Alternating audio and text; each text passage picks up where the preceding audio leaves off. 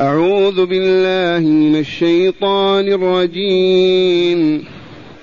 والذين آتيناهم الكتاب يفرحون بما أنزل إليك. ومن الأحزاب من ينكر بعضه. قل إنما أمرت أن أعبد الله ولا أشرك به. إليه أدعو وإليه مآب. وكذلك أنزلناه حكما عربيا. ولئن اتبعت أهواءهم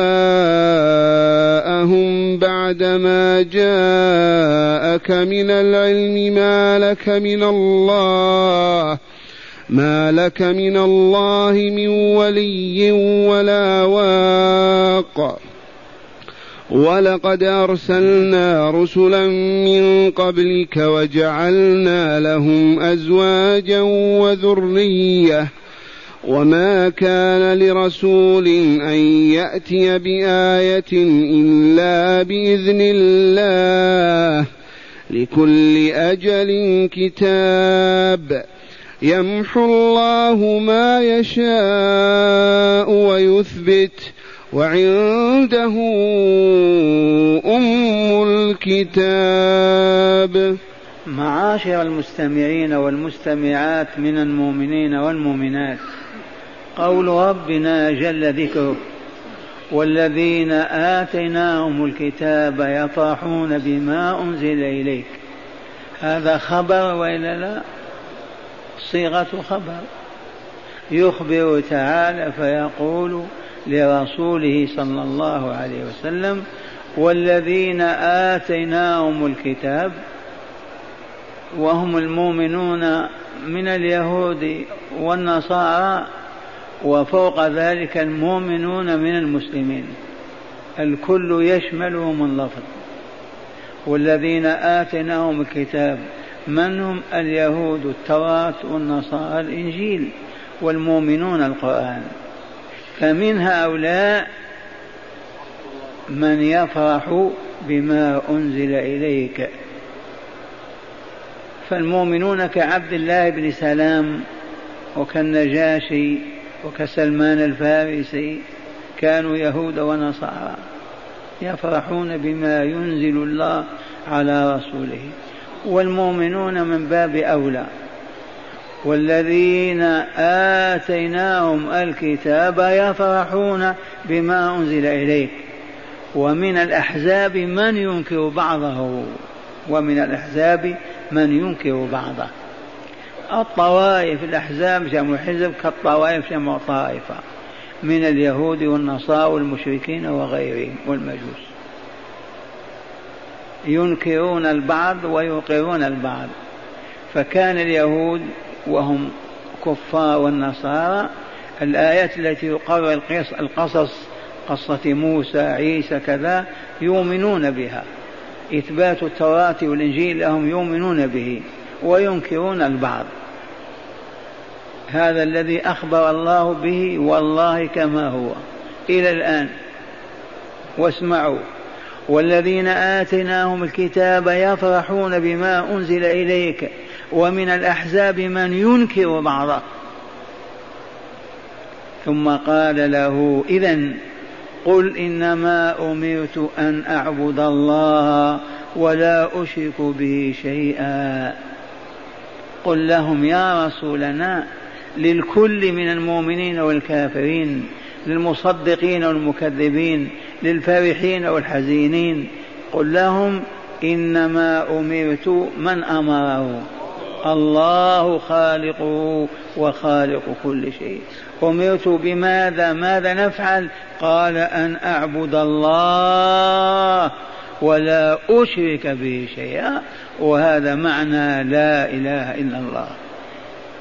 أن أعبد الله ولا أشرك به شيئا.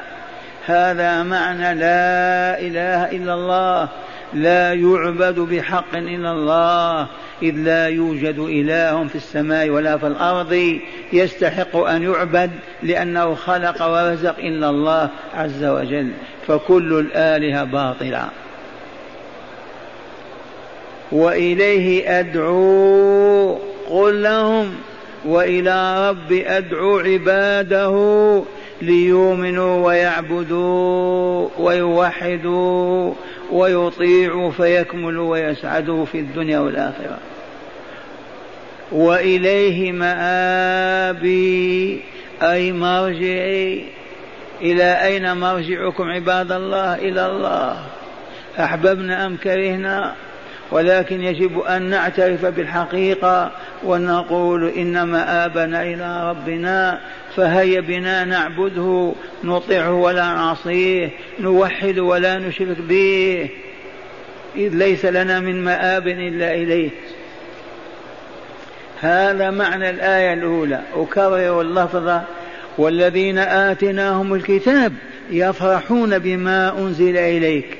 ومن الأحزاب من ينكر بعضه إذا قل إنما أمرت أن أعبد الله ولا أشرك به إليه أدعو وإليه مآب. إليه لا إلى غيره أدعو عباده أن يعبدوه ولا يشركوا به وإليه مرجعي ومآبي. الآية الثانية يقول تعالى وكذلك أنزلناه حكما عربيا. كما أنزلنا التوراة والإنجيل أنزلنا القرآن حكما عربيا أي بلسان العرب لتحكم به عباد الله حكما عربيا. وكذلك أنزلناه حكما عربيا فصيحا واضحا بليغا لا لبس فيه ولا خفاء لتحكم به عباد الله وتسوسهم ثم يقول له وهذه الجملة لا تطاق. لو يفهمها العرب والمسلمون المعرضون عن كتاب الله وسنة رسوله لماتوا في ليلة في كرب وهم. اسمع ما يقول الله لرسوله. وهذا من باب إياك أعني واسمع يا جار إذ حاشا رسول الله أن يتبع أهواء القوم ويترك ما يوحي الله إليه. يقول له ولئن اتبعت يا رسولنا ولئن اتبعت أهواءهم ما يشتهون ويحبون ويريدون أن تفعله أن تفعله. بعدما جاءك من العلم ما لك من الله من ولي ولا نصير ولا واق. لا إله إلا الله. لو تذاع هذه في إذاعة العالم الإسلامي. اسمع وعزتنا وجلالنا لأن هذه اللام في القسم. ولئن اتبعت أهواءهم ما هي أهواءهم؟ افعل كذا واترك كذا هذا فيه شدة هذا فيه عنف هذا فيه كذا هذا يشوش علينا. هذه الأهواء.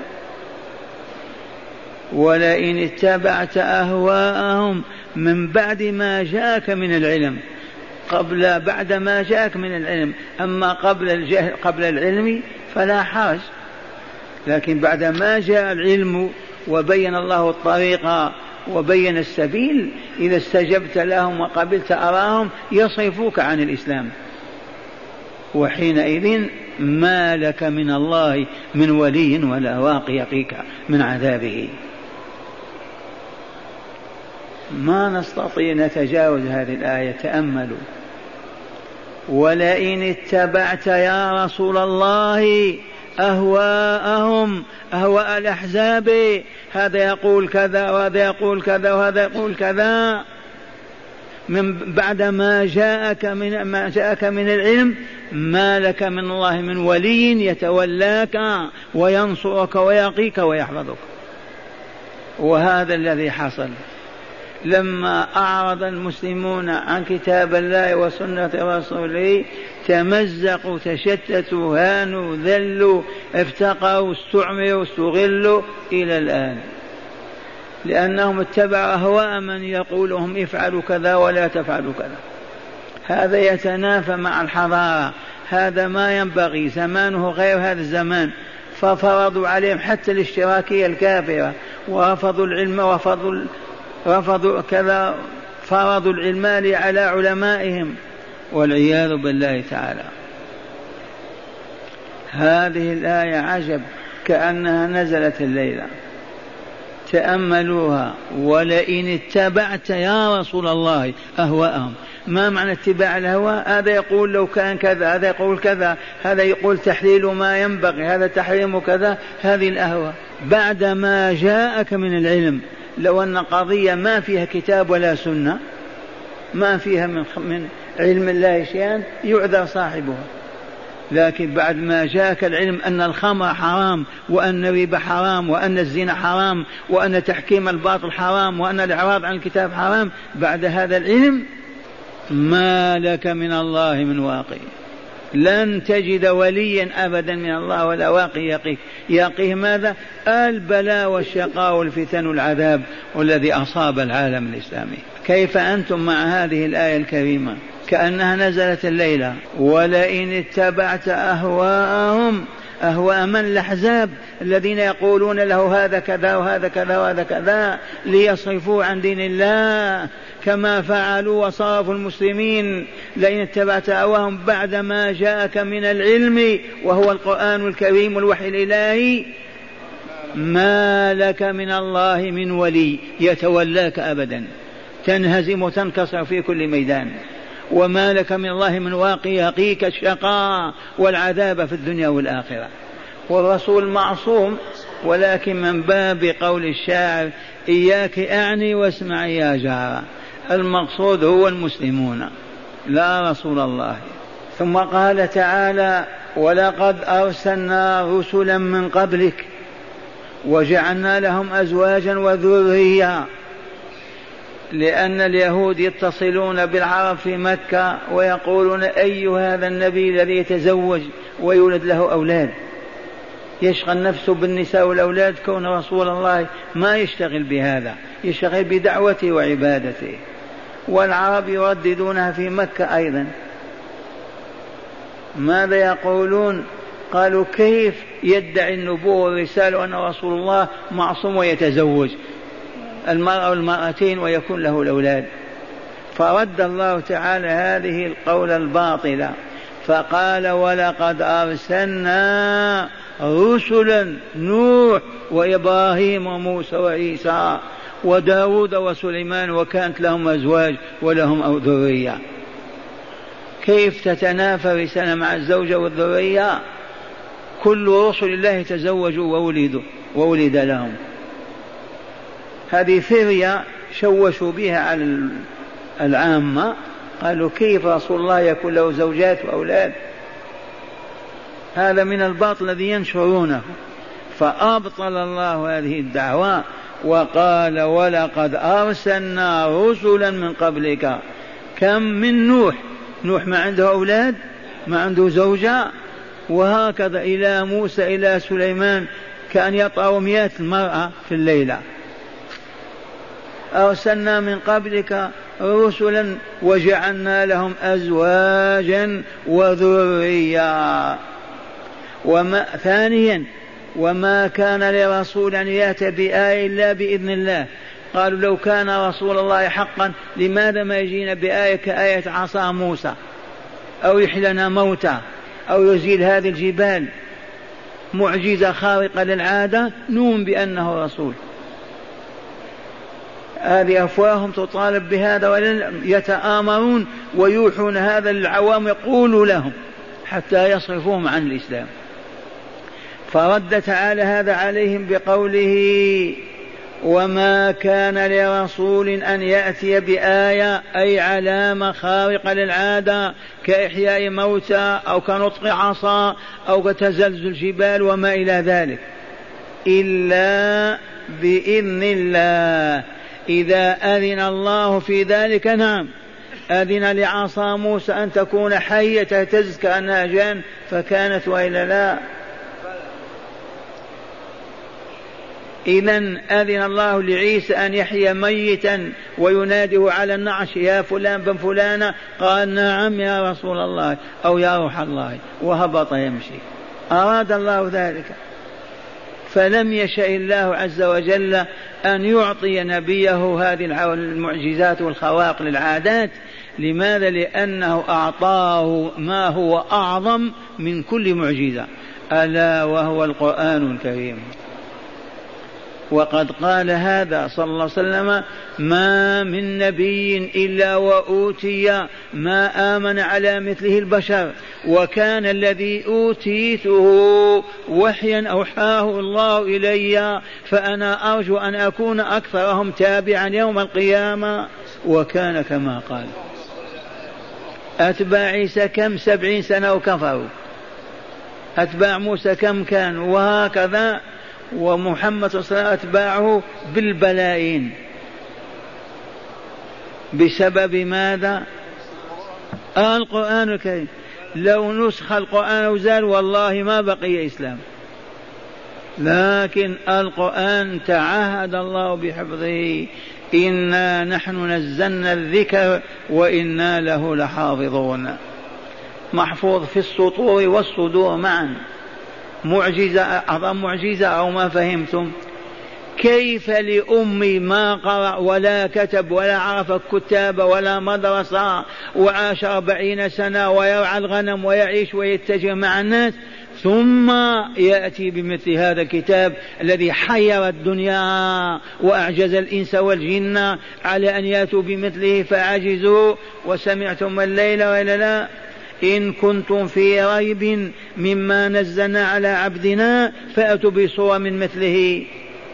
ما استطاع. وادعوا شهداءكم من دون ولن تفعلوا أيضا. مستحيل. فنعم القرآن أعظم معجزة. معجزة العصا تنتهي في يومها. تقول أنا ما رأيت. فلان قال رأيت فقط. أحيا عشرين ميت.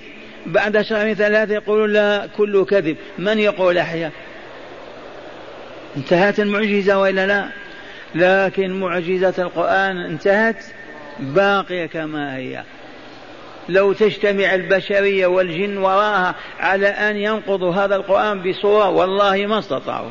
وهكذا تعالى يقول لرسوله وفي هذا تقرير النبوة المحمدية وأنه حقا رسول الله.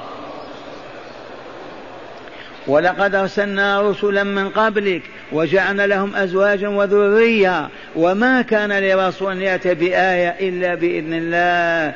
ثم قال تعالى لكل أجل كتاب. الأجل الوقت المحدد والكتاب ما كتب فيه وعين. الحادثة الفلانية يوم الخميس في السابع كذا من كذا. ولكل أجل كتاب. عرفتم لكل أجل كتاب ما في شيء ما أراده الله اليوم يكون اليوم. شيء قدره بعد ألف سنة يقع قبل. مستحيل. إذ كل شيء له أجل وقت والوقت مكتوب في كتاب المقادير. لا يتقدم ولا يتأخر. فشكواهم هذه وطلبهم له أن أن يأتيهم بآية لا معنى لها. لو كتبها الله لكانت لكن ما أرادها الله لحكمته العالية. لأنه رأى البشرية إذا شاهدت المعجزة ما يوم عشر ولا عشرين والباقي يكذبون. وتقدم لنا أن الآيات ليست مستلزمة للإيمان أبدا ويكفينا حادثة ركانة. هذا المصارع العجيب صارع النبي صلى الله عليه وسلم ثلاث مرات يصرعه. وأبى أن يسلم. غلبه. في حين أنه صارع كل واحد وغلبه. ثم قال إن كنت رسول الله ادعو هذه الشجرة تأتي إلينا. وهي بعيدة على مرء البصر. فدعاها فجاءت تجر عروقها في الأرض. قال له خليها تنطق وتشهد لك برسالة. فقالت أشهد أنه رسول الله. آمن يا ركان. قال هذا سحر ما نؤمن. سحر عظيم. قال ولهذا تقررت الحقيقة وهي أن المعجزات لا تستلزم الإيمان أبدا. يشاهدونها ويقول لهم الشيطان سحر وتجهيل وهذا يريد منكم كذا وهذا كذا كما تعرفون الإعلام اليوم الأباطيل والترهات. هكذا يقول تعالى وما كان لرسول أي من رسلنا كم عدد الرسل يرحمكم الله؟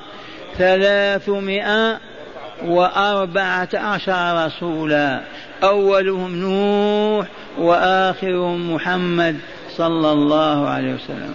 أما الأنبياء فلا تسأل مئة ألف وأربع وعشرين ألف.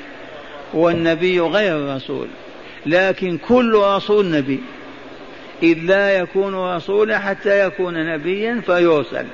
ثم قال تعالى يمحو الله ما يشاء. أليس لكل أجل كتاب وإلا لا؟ يمحو الله ما يشاء ويثبت. وعنده أم الكتاب وهي اللوح المحفوظ. ما أم الكتاب؟ ما اللوح المحفوظ؟ كما علمتم كرروا القول مهندس معماري. تعرفون المهندس المعماري يجلس على كرسيه وإلا لا؟ ويضع طاولة بين يديه وإلا لا؟ وتأتي أنت تقول أريد أن أبني عمارة من سبع طبقات. أرسم لها أرسم لها في صورة. فيرسم الصورة عدد النوافذ عدد الأبواب عدد كذا حتى الكهرباء. كما هي ويقدمها لك في ورقة. فإن وجدت قويا قادرا بماله وعلمه وقدرته يطبقها كما هي ولا يتخلف شيء. وإن تخلف شيء تعاقب عليه وتقول خنتني أو كذبتني. فالله عز وجل أول ما خلق من الخلق القلم. فقال اكتب يا قلم قال ما أكتب؟ قال اكتب كل ما هو كائن إلى يوم القيامة. فجر القلم بكل ما هو كائن. في ذلك اللوح المحفوظ أو الكتاب المبين أو الإمام المبين. عرفتم هذا؟ سلمتم أن المعماري المهندس ما يخطئ وإلا لا؟ إذا كتب. يستطيع ما يستطيع؟ فالله عز وجل الذي يقول الشيء كن فيكون. إذا كتب كل شيء في كتاب المقادير. فلا تحرك يدك ولا تقطع راسك إلا وهذه الحركة موجودة في سجلك في كتابك أنت. لا تشبع ولا تجوع لا تمرض ولا تصح إلا والله لمكتوب ذلك عليك. يمحو الله ما يشاء ويثبت. هنا يدخل في هذا ابتداء أنهم قالوا كيف؟ بالأمس كان يقول صلي إلى. إلى بيت المقدس واليوم يصلي إلى الكعبة. كلمة اليهود. قالوا بالأمس كانت العدة عدة المتوفى سنة والآن حولها إلى أربعة أشهر وعشر أيام. ثباتم هذا الاعتراض وإلا لا؟ النقد والطعن وإلا لا؟ كما تعرف البشر. فقال تعالى لي أن نمحو ما نشاء ننسخه ونثبت ما نشاء ولا ننسخه. يمحو الله ما يشاء محوه وإزالته ونسخه ويبقي ما أراد أن يبقيه. من يعترض على الله؟ يمحو الله ما يشاء ويثبت وعنده أم الكتاب اللوح المحفوظ الإمام المبين. وقد كررنا القول لكم في حديث من سره أن ينسأ له في أجله ويوسع له في رزقه فليصل رحمه. حديث صحيح. ألف مرة. من سره وأفرحه وأثلج صدره أن ينسأ له في أجله. كان عمره سبعين يجعله مئة أو تسعين. ويوسع له رزقه. كان ضيقا فيوسع فليصل رحمه. كيف هذا؟ الجواب عمرك يا راضي أساسا ستون سنة. قال تعالى للملائكة إن بر بوالديه ووصل رحمه ارفعوا إلى تسعين فكتبوا كذلك. جاء راضي في الحياة وعاش. تبهتم ستين سنة والناس يموتون دونها ما زال هو لأنه يصل رحمه وكتب هذا في كتاب المقادير أن يعيش تسعين تسعين سنة. فلان لحمه وخبزه وفواكه خمسين طن في مدة عمره. ثبات لكن يصل رحمه اجعلوه تسعين طن فيكتب كذلك. فلما يخرج إلى الدنيا ما يعرف إلا صلة رحمه. أمه أباه خالة عمه مدفوع دفع حتى يصل إلى تلك الغاية ويحقق له ذلك الرزق والعمر الطويل. هذا معنى يمحو الله ما يشاء ويثبت وعنده أم الكتاب. مع العلم أن الله على كل شيء قدير. إذا أراد أن يمحو في من يجبره على أن لم يمحوها إذا أراد أن يثبت شيئا فيه من يقول لا يجب أن تمحوه. لن يكون هذا أبدا. إذ الله على كل شيء قدير. وليس هناك أبدا من يقوى على منازعة الله ومطالبة ما لا يريد. يمحو ما يشاء ويثبت وعنده أم الكتاب. وكان بعض الصحابة يقول اللهم إن كتبتني شقيا فامحني واكتبني سعيدا. تبات مكتوب هذا في كتاب المقادير أنه يدعونا ويسألنا أن نكتب أن, نشق أن نسعده فاكتبوا يا ملائكة أنه سعيد بعدما كان شقي ولا حرج. اللهم إن كتبتني شقيا فامحني واكتبني سعيد هذا الدعاء يوافق ما كتبه الله عز وجل. أسمعكم الآيات مرة ثانية التي تدارستموها. والذين آتيناهم الكتاب يفرحون بما أنزل إليك. من هو هذا المخاطب؟ رسول الله صلى الله عليه وسلم. ومن الأحزاب من ينكر بعضه. من هم الأحزاب؟ الكفار والمشركون واليهود والنصارى. إذا قل إنما أمرت أن أعبد الله ولا أشرك به. هكذا أمرني ربي. لا إله إلا الله. إليه لا إلى غيره. لا دولة ولا سلطان ولا مال ولا نسب. إليه أدعو. لا إلى غيره وإليه مآبي ومرجعي. وكذلك أنزلناه حكما عربيا. ما الذي أنزل الله حكما عربيا القرآن الكريم. ولئن اتبعت أهواءهم ولئن اتبعت يا رسول الله أهواءهم كيف تكون الحال؟ يتمزق. لا تقوم له دولة ولا سلطان ولا وجود للدين. يمزقونه. هذا يقول كذا وهذا يقول كذا. وهي أهواء. ما هي وحي من الله عز وجل. تأملوا هذه ولا تنسوها. الأمة الإسلامية أعرضت عن كتاب الله وسنة رسوله وشرعه وحكمت القوانين وسادت الأباطيل واتبعت الأهواء وما اتبعت القرآن فهي في كرب وهم وجلاء وبلاء إلى أن تستقيم. هذا وعد الله. ولئن وعزتنا وجلالنا لئن اتبعت أهواءهم بعد ما جاءك من علم ما لك من الله من ولي ولا, ولا واقي. من يقينا من ينصرنا إذا الله خذلنا وهزمنا؟ حسب سنته في كتابه في خلقه. ولقد أرسلنا رسلا من قبلك. فيها رد على من قالوا كيف رسول الله يتزوج تسع نساء؟ كيف رسول الله له أولاد وهو نبي؟ هذا كلام العامة وكلام المغرضين يرددونه. فقال تعالى ولقد أرسلنا رسلا من قبلك. عرفناهم من نوح إلى عيسى عليه السلام وجعلنا لهم أزواجا وذرية.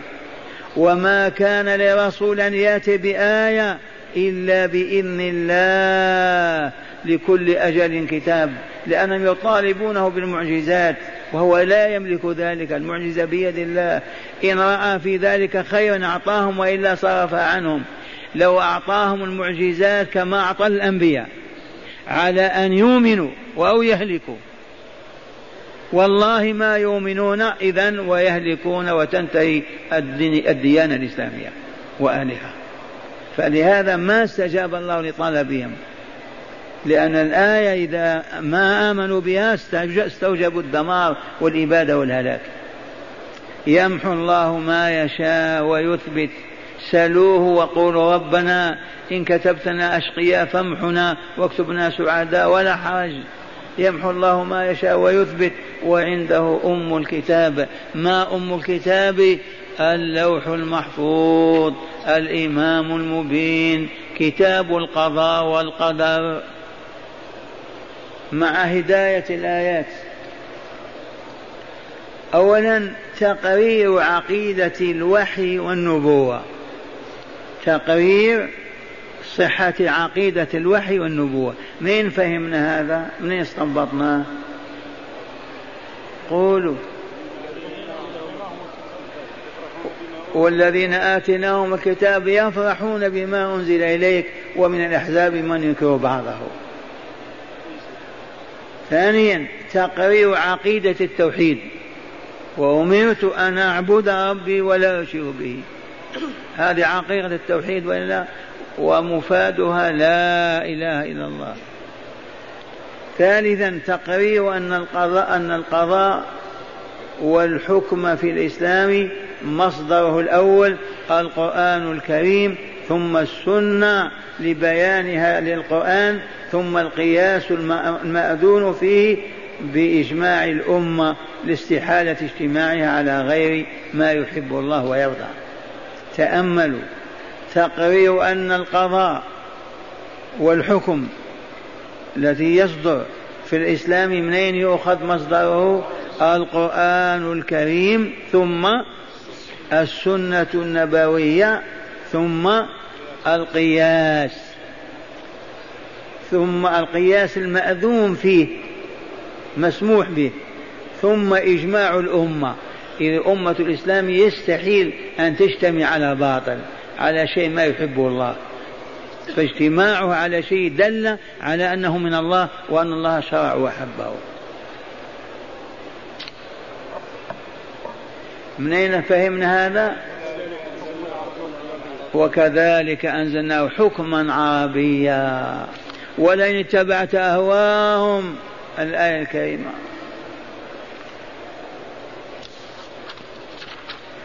قال رابعا التحذير من اتباع أصحاب البدع والأهواء والملل والنحل الباطلة.